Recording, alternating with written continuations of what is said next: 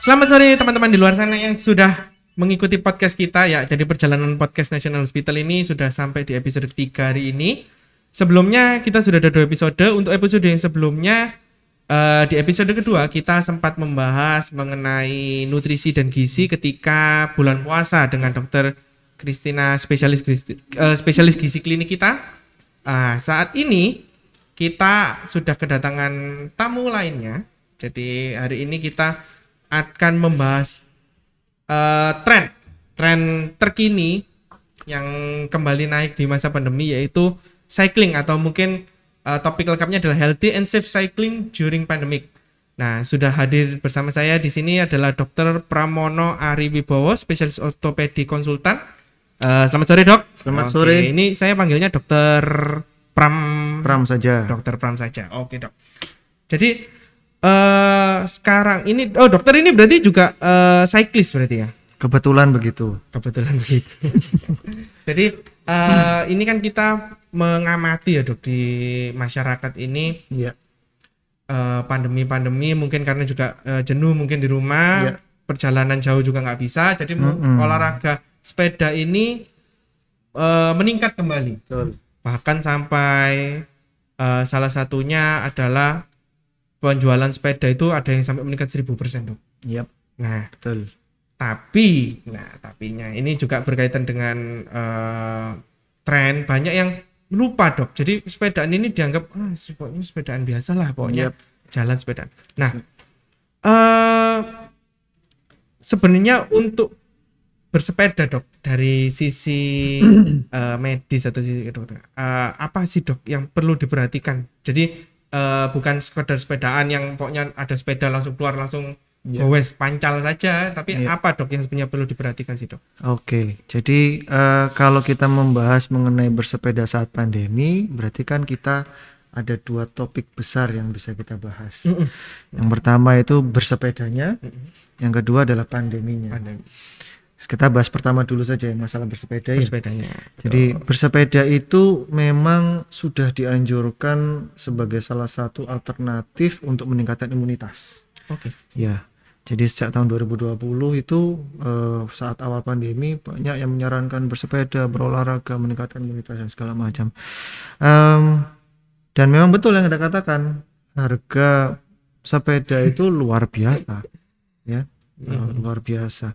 Em, kemudian se- selama 2020 itu saya kita semua mengamati bagaimana efek dari dari bersepeda ini. Ya dan banyak hal yang bisa kita pelajari saat itu terutama dalam hal eh, cedera. Oke. Jadi banyak banyak eh, cedera yang diakibatkan oleh karena bersepeda pada saat itu Eh, saya melihat ada dua hal yang yang penting Eh, yang satu adalah cedera oleh karena kecelakaan lalu lintas Mm. Kemudian yang kedua cedera oleh karena eh, safety kita tidak terlalu bagus. Eh, kalau dari segi kecelakaan lalu lintas ya banyak yang terjadi kan karena eh, melanggar rambu lalu lintas, lampu merah diterabas, kemudian kita melawan ya. Caranya bagaimana ya kita jangan seperti itu. Itu itu yang simpel. Kemudian yang berikutnya dari diri kita sendiri. Nah dari kita diri kita sendiri itu eh, bagaimana cara kita meminimalisir cedera itu kan? Hmm, betul. Jadi eh, dengan cara kita perlu memproteksi diri kita sendiri sebelum kita eh, keluar dari rumah menggunakan helm ya. Terus kemudian eh, sepeda kita lengkapi dengan apa namanya itu flashlight, Flashlight, untuk ya, ada safety, lampunya, ya. ya.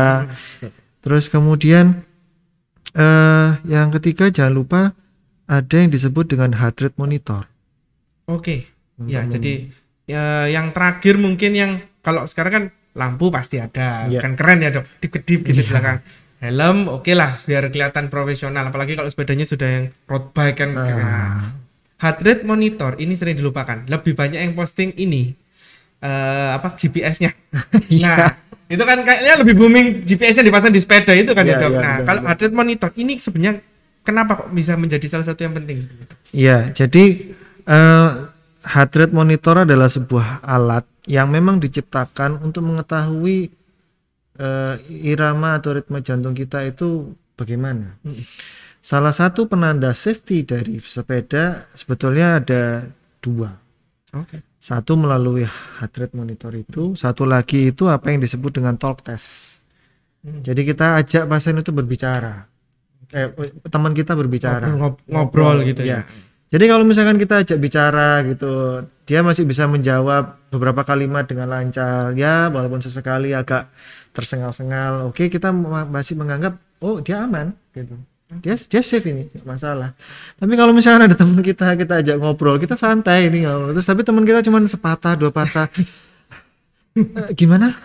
Oh iya itu ah. berarti anda harus hati-hati. Oke. Teman anda mungkin setelah itu mungkin ada permasalahan. Oh, Oke. Kemudian yang kedua menggunakan heart rate. Jadi ada zonanya. Ada zona 1, 2, 3, 4, 5. Ya, saya mungkin tidak perlu tidak, tidak di dalam kali ini tidak tidak membahas bagaimana cuman eh, apabila seseorang itu bersepeda terus kemudian eh, detak jantungnya itu pada zona 4 ke atas terus. Zona, zona 4 itu sudah orange, zona 5 sudah merah. Mm-mm. Artinya eh, heart rate itu dipacu sedemikian rupa sehingga dia itu nanti lama-lama heart rate itu jantung itu jadi fatigue, Hmm, Oke. pasokan oksigen jadi kurang dan segala macam. Nah, itu bisa kita pantau dari heart rate. Jadi kalau misalkan eh, kita bersepeda ya, menurut saya itu adalah eh, alat safety yang menurut saya wajib kita punya sebelum kita Oke, bersepeda. iya. Sebelum beli GPS-nya ya, Dok. Betul. Sebelum beli GPS yang dipasang sepeda. Ya, sebenarnya. betul, betul, betul. Oke. Jadi itu yang itu yang dari sisi bersepeda ya. Hmm, Iya, betul betul. Oke. Eh, terus kemudian eh, yang tidak terlupakan adalah nutrisi. Nah, kemarin kan ah, tadi kan ada bicara masalah nutrisi, saya baru Betul, ingat iya. ini nutrisi. Jadi eh, nutrisi itu penting untuk kita sebelum, saat dan sesudah olahraga. Karena perlu diingat olah- olahraga yang kardio seperti berlari, bersepeda itu membutuhkan kalori yang sangat tinggi. Dan itu em, berefek pada eh, kebutuhan nutrisi yang sangat tinggi. Oke. Nah, j- tapi juga nanti perlu disesuaikan juga dengan eh, ke- kemandan ke mana anda eh, goesnya. Oh, goesnya jauh apa enggak atau dalam kota atau luar kota nanti mau mampir ke restoran apa enggak ya itu kan berbeda. jadi di planning juga planning istilahnya road planningnya juga ya. betul betul road planning itu juga sangat penting sekali. Hmm. Jangan sampai nanti misalkan gini, nah ini masalah masalah safety dalam hal bersepeda juga. Eh, kita juga jangan memaksakan diri. Contoh, contoh nih, eh kita punyanya sepeda lipat, Ya. ya kan? Tapi kita diajak teman kita ke luar kota pakai sepeda road bike. Ya. Teman kita pakai road bike. Nah, itu akhirnya kan kita memacu untuk tinggi. Padahal sepeda lipat itu tidak didesain untuk Fungsinya kecepatannya jarak jauh, kecepatan iya, tinggi. kecepatan tinggi. Mm. Nah, ini juga mungkin mengingatkan ke teman-teman di luar sana, mungkin keren ikut teman-teman peloton ke Bromo, tapi disesuaikan sepedanya dan mungkin kemampuan juga ya, Dok. Kemampuan diri sendiri kayak Betul. pengalaman olahraganya itu ya mungkin yang di itu. betul, Jadi betul. jangan baru beli sepeda dua minggu langsung dijajal ke Bromo. Wah, Nanti pingsan di tengah pingsan jalan. tengah jalan. Oke. Jadi mungkin ada lagi Dok, mungkin tips-tipsnya itu. Eh, ya itu eh, tadi kan anda sudah membahas tentang ya, eh, itu. Terus kemudian, oke.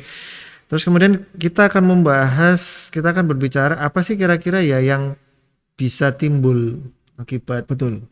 cedera olahraga Iya, sepeda terutama ya. bersepedaan ya kan eh, karena eh, kita ini kalau bersepeda dengan benar ini kan nggak akrab maksudnya istilah bersepeda dengan benar. Ya, Pokoknya kan sepeda itu ada sepeda di goes jalan. ya. Nah sebenarnya eh, apa sih dok yang bisa terjadi jika pro- bersepeda ini nih dilakukan dengan eh, istilahnya bukan model ya dengan cara yang salah gitu. Ya. Jadi eh, kalau kalau eh, cedera saat bersepeda itu eh, hal yang bisa kita lakukan selain kita rutin bersepeda ya. Mm-mm. Maksudnya kita rutin bersepeda sebelum bersepeda kita sudah melakukan pemanasan, kita jaga nutrisi kita, kita sudah pakai safety. Nah, ada yang belum kita bahas adalah bagaimana sepeda itu sendiri. Oh, oke. Mm-mm.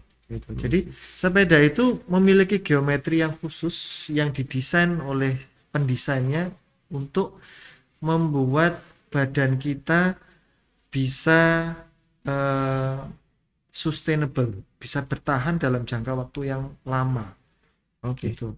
Karena kalau tidak, misalkan gini, eh, sepeda itu ukurannya kecil, pendek, Mm-mm.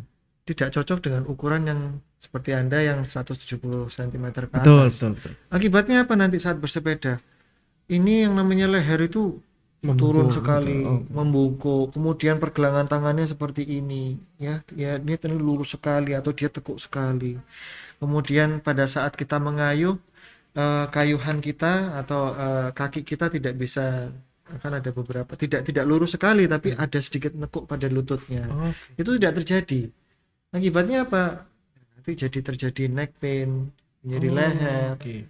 kemudian otot bahunya mengalami spasme, dia jadi uh, shoulder pain, kemudian ada yang disebut dengan cyclist palsy. Jadi pergelangan tangan ini uh, memegang handlebarnya terlalu terlalu berat atau ekstrim atau salah sehingga menyebabkan kesemutan Oh, Oke. ya Habis itu bisa low back pain jadi punggung padahal padahal nih eh, eh, dokter ortopedi itu apabila menganjurkan pasiennya untuk olahraga salah satunya adalah bersepeda Sepeda. Jadi sebenarnya sepeda ini adalah olahraga yang cukup lengkap sebenarnya Ya. untuk untuk olahraga tubuh ya. ya, ya. gitu tapi kalau misalkan itu tidak dilakukan dengan betul maka itu akan menjadi masalah gitu Eh, kaki juga timbul masalah nah eh, anda pernah mendengar bike fitting Belum. Nah, Belum. jadi bike fitting itu adalah dilakukan oleh seorang ekspertis di bidangnya Oke. untuk mengukur geometri eh, frame sepeda dengan geometri badan kita. Oke. Jadi disesuaikan, Iya, iya. dimatchkan. Di istilahnya diukur ini supaya optimal juga Betul, penggunaannya. betul, betul. Dan dan bike fitting ini eh, semakin lama semakin eh, banyak dimanfaatkan oleh para pesepeda karena terbukti bisa membantu meningkatkan performance, kemudian memperkecil resiko cedera. Jadi bike fitting ini penting gitu. Ya, ya. Jadi kalau ka- ya ini juga pengetahuan baru, Dok. Terutama bagi saya juga mungkin bagi teman-teman di luar sana karena sebelumnya kan kalau beli sepeda itu ya beli sepeda, maksudnya eh, nggak ada fitting. Fitting kalau fitting mungkin eh, teman-teman lebih kenalnya fitting baju di luar sana. Sebelum beli baju di fitting. Tapi ternyata beli sepeda pun ada fittingnya, masih istilahnya Betul. diukur dulu sebelum sebelum membeli. Betul. Nah, eh, berarti di sini sebenarnya bersepeda itu eh, kalau kita ulik lebih dalam sebenarnya banyak sekali unsur yang me- menentukan ya dok istilahnya dalam Betul. eh, performa juga lalu dalam eh, kondisinya istilahnya gitu Betul. setelah itu. Betul. Nah, eh sebenarnya nah, terus ini dok. Eh ketika bersepeda terutama mungkin ini teman-teman juga yang punya hobi sepeda ini jarak jauh. Eh resiko cedera yang eh, kira-kira yang perlu dipersiapkan. Jadi istilahnya sebelum mereka bersepeda jarak jauh Oke. eh, cedera apa yang paling perlu diperhatikan dan mungkin penanganan awalnya dok? Misalnya cedera eh, terjadi cedera itu seperti apa? Jadi cedera apabila kita jadi gini, eh, long distance cycling itu eh, memang butuh persiapan yang tidak sebentar. Em, pertama kita perlu mempelajari bagaimana rute sepeda tersebut, rutenya rute yang akan kita lalui, kemudian eh, karena itu akan akan dan dan kita harus disesuaikan dengan kemampuan kita karena itu akan berkaitan dengan berapa jam saya bisa bertahan untuk mencapai katakanlah 100 km apakah itu dibutuhkan waktu tiga jam 4 jam ya itu nanti juga akan mempengaruhi eh, nutrisi yang akan kita yang diperlukan Yang juga kita perlukan. asupannya itu ya. Ya. termasuk di mana kita melakukan pit stop, kemudian apa yang perlu kita minum, ya. Eh, biasanya kalau untuk long distance cedera yang paling sering adalah eh, kram otot. Oke. Jadi spasme otot ya, Eh, mulai dari tungkai bawah, paha itu paling sering. Kemudian ya, di daerah bahu itu yang paling sering. Kalau untuk cedera serius lain ya misalkan itu terjadi apabila eh, tidak ada kesiapan itu nutrisi yang saya katakan tadi. Oke, jadi jadi tubuh dalam kondisi lelah tapi dipaksakan. Iya itu. dipaksakan sehingga eh, dia misalkan tiba-tiba singkup singkup itu pingsan Mm-mm. itu bisa bisa terjadi. Eh, apakah itu sering? Hmm, ya enggak banyak, cuman itu sering. Kemudian yang kemungkinan ke, ke yang lain adalah ya itu seperti eh, apa namanya eh, tabrakan antar pesepeda, Oh iya iya. ya kan? Karena pada saat kita capek kita menjadi tidak awas, Tidak fokus tidak lagi fokus kan. Kalau kita ambil minum kan botol minum kita kan ada di Di bawah. bawah ini betul betul. sehingga kita perlu konsentrasi mengambil kemudian meminum. Nah itu kalau misalkan di, di, di seorang cyclist itu tidak tidak memilih apa sedang Dalam tidak kondisi yang prima atau fit primi, gitu. ya, prima itu dia bisa terjadi kecelakaan antar cyclist itu Jatuh dan lain-lain. jatuh dan lain-lain. Itu yang biasanya sering terjadi. Nah, yang terutama kram ya, Dok. Mungkin yang paling umum adalah kram, terutama Iya. kalau kita bersepeda dengan eh, rute yang menanjak. Nah, Ya. itu sebenarnya apa sih, Dok? Kan eh, banyak antara eh, mitosnya eh, pertolongan pertama ini ada mitosnya dengan sebenarnya yang benar itu seperti apa? Maksudnya yang benar untuk dilakukan itu seperti apa sih, Dok? Ke- Ketika kita teman kita misalnya kita tahu teman kita kram, itu Oke. pertolongan apa yang pertama harus kita lakukan? Ya, jadi prinsip utama untuk penanganan cedera akut adalah ada singkatannya PRI PRICA, price Nice. protection. Jadi daerah yang mengalami cedera itu kita perlu pasang sesuatu untuk memproteksi. Bisa bidai atau sesuatu yang keras ya. Kalau misalkan ter- terjadi di jalan kan tidak mungkin ada bidai ya. Iya. Ya kita cari sesuatu yang keras seperti apa? Ya pelepah pisang, kayu, apa saja yang kita bisa dapatkan. Kemudian kita harus istirahatkan eh, daerah yang cedera. Misalkan tungkai kaki bawah kita Hmm. masih pakai spa- eh, ada kaos kakinya sepatu, ya sepatu sama kaos kakinya dilepas. Dilepas. Oke. Ya, terus kemudian cari es batu. Oh, Oke, es batu jadi. Oke. Jadi kompres daerah yang sakit itu biasanya kan di paha atau di di tungkai bawah itu Iya. kompres sama es. Oke. ya terus habis itu dibebat tekan menggunakan biasanya menggunakan sesuatu yang elastis itu kemudian dilakukan elevasi kakinya diangkat Diangkat. ya lebih tinggi daripada kaki satunya itu adalah upaya untuk meminimalisir resiko syukur-syukur kalau misalkan ada teman yang bawa obat anti nyeri ya kita minumkan obat Hmm. Nah, itu adalah langkah pertama untuk eh, menangani cedera. Ya, terus kemudian ya apabila nah, kita setelah itu kan kita baru baru cari tahu dia kenapa. Apakah karena dehidrasi, Hmm. apakah karena dia terlalu capek, istirahat kurang dan sebagainya kan kita bisa tahu. Tapi yang jelas pada saat seseorang itu mengalami cedera, stop sudah, jangan jangan dilanjutkan Jangan dipaksa. ya jangan dipaksa jangan dilanjutkan setelah selesai gitu. karena s- biasanya seorang cedera itu biasanya karena persiapan sebelumnya tidak ada kuat Oke. ya kurang istirahat kurang nutrisi kurang makan ya malamnya atau kurang latihan gitu. kurang latihan jadi ya baru baru-baru aja gitu ya Baru-baru ikut eh, ngetren, ah, ikut biar keren. Berangkat gitu. gitu. Oke, jadi eh, sekali lagi sangat penting untuk melakukan persiapan pribadi, berlatih dan yaitu kembali planning untuk perjalanan terutama juga untuk long distance cycling ya supaya tidak terjadi hal-hal yang tidak diinginkan. Nah, Iya. eh, kalau boleh tahu dok, dokter paling jauh ke mana dok? Sepedaan dok. Eh, saya paling jauh. Saya pernah ikut ini sih eh, lomba di Lombok. Lombok. Oke, Lombok. oke, oke. Heeh. Cuman kalau di eh, kilometer ya, kilometer terjauh sih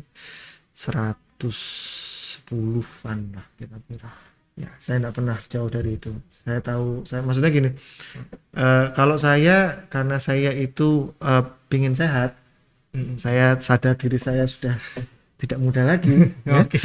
Jadi saya tidak ingin berkompetisi. gitu. Oh, oke oke. Ah ini Iya, ya, cuman Anda Anda membahas mengenai kilometer ini paling sering terjadi di masyarakatnya di di, di komunitas terutama Hmm. itu selalu tanya berapa jauh kamu berapa kilometer kecepatanmu Ya, biasanya kan yang eh, antara pokoknya yang kalau saya lihat teman saya ya, Dok, Ah. ini teman saya, kalau enggak eh, jarak, Hmm. kecepatan rata-rata sama ini, Dok, tanjakan, Ah. elevation. Nah, Iya. itu kan yang paling banyak di istilahnya bragging atau istilahnya dipamerkan. Nah, jadi ini berkaitan juga dengan pandemi.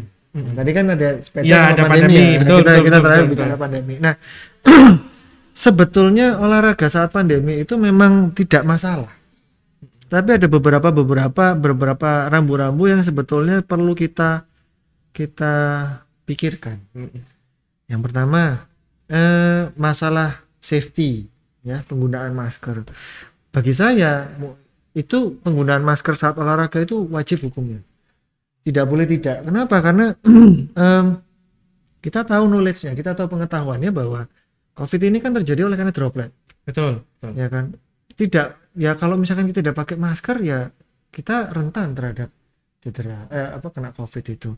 Terus kemudian eh, em, kalau tidak salah Kemenkes ya, Mm. itu atau Satgas COVID ya, Hmm. itu memberikan memberikan eh, panduan bagaimana kita bersepeda. Bersepeda dengan di kala pandemi. di kala pandemi itu ada yang ada yang ringan sedang dan berat itu berkaitan dengan jarak sepedanya antar satu Oh, sepeda ya kan Eh itu juga anu apa namanya menurut saya kalau kita berdekatan sepedanya maka ya maskernya wajib karena kita tidak tahu depan kita itu teman kita itu Hmm, Iya. terutama untuk komunitas juga yang besar ya, Dok, yang Iya. bersepeda dalam jumlah banyak yang ya Oh, oke, oke. Iya.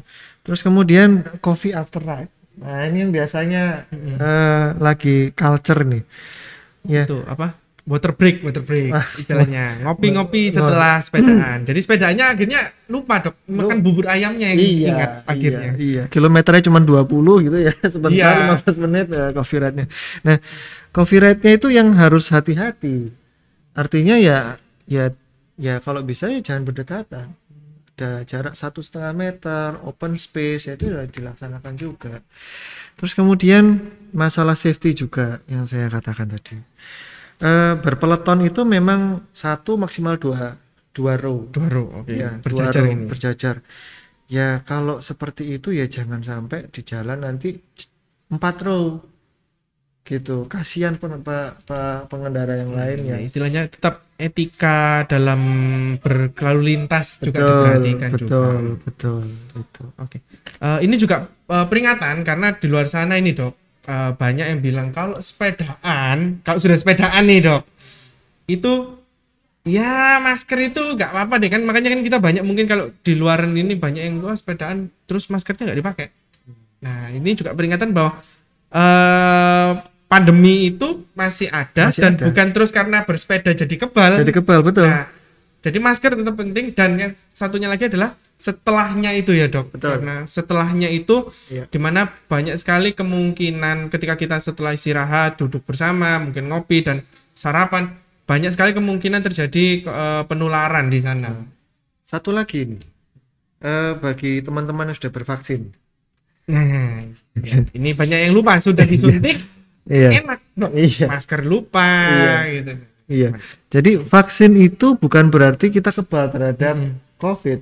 Jadi vaksin itu hanya paling tidak kita itu tidak terkena jen- eh, COVID yang letal, Yang parah, yang istilahnya. parah gitu. Tapi kita masih ada chance untuk terjadi. eh, maka daripada itu em, ya kita bersepeda, tapi kita juga tetap menaati protokol yang masih Protokol ada kesehatan ini. gitu. ini betul. Em, eh, ngobrol-ngobrol masalah masker eh ini yang sering terjadi ya jadi mereka kadang-kadang eh, lupa bahwa kalau kita bersepeda dengan kecepatan tinggi maka pasokan oksigen itu cukup harus besar harus Iya. banyak Mm. itu tidak tercapai dengan dengan masker biasanya kalau sudah seperti itu dipaksakan menggunakan masker nanti khawatirnya apa dia singkop tadi Bisa. Nah, jadi pingsan. Jadi memang memang ya itu harus harus dipikirkan Harus juga. dipikirkan. Mm, mm, mm. Jadi istilahnya em, bersepeda jarak jauh dan la- berolahraga itu eh, sangat bagus di kala pandemi. Tetapi sekali lagi karena ada variabel satu eh, variabel atau faktor-faktor yang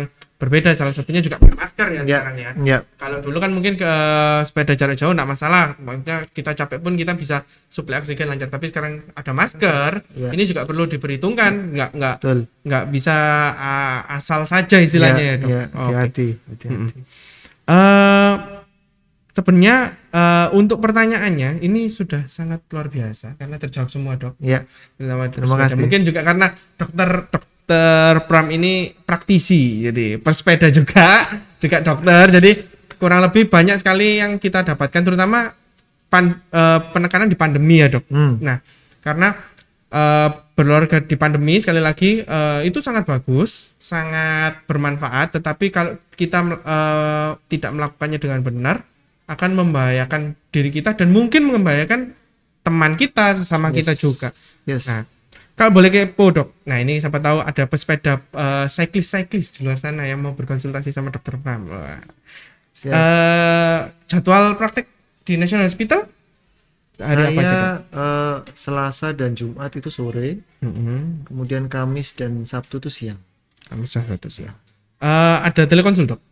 Telekonsul ada? Ada. Jadi untuk yang mau berkonsultasi dengan dokter Pram bisa appointment juga di National Hospital sesuai jadwal dokter yang barusan disebutkan dan juga bisa melalui telekonsul di eh, National Hospital Apps yang mana nanti bisa dicari eh, dengan dokter Pramono Ariwibowo spesialis ortopedi konsultan. Nah, mungkin eh, pembicaraannya sudah cukup panjang lebar. Ya. Nah, ini saya terima kasih banyak dengan dokter Pram yang Sama-sama. sudah memberikan eh, banyak sekali insight tentang bersepeda dan eh, tips-tips sehat ketika berolahraga di eh, masa pandemi. Jangan lupa kita masih ada eh, episode selanjutnya dan untuk yang kelewatan episode sebelumnya bisa diakses sekarang di YouTube, Anchor dan Spotify untuk eh, episode di edisi ngopi sore bareng dokter. Nah, kalau untuk yang di luar sana merasa kenapa saya tidak menyindir ibu manajer produksi saya hari ini karena sudah masa puasa, jadi saya menghindari itu sehingga saya mengucapkan eh, selamat menunaikan ibadah puasa bagi yang menjalankan. Oke. Ya, untuk saat ini eh, sampai jumpa di episode selanjutnya. See you.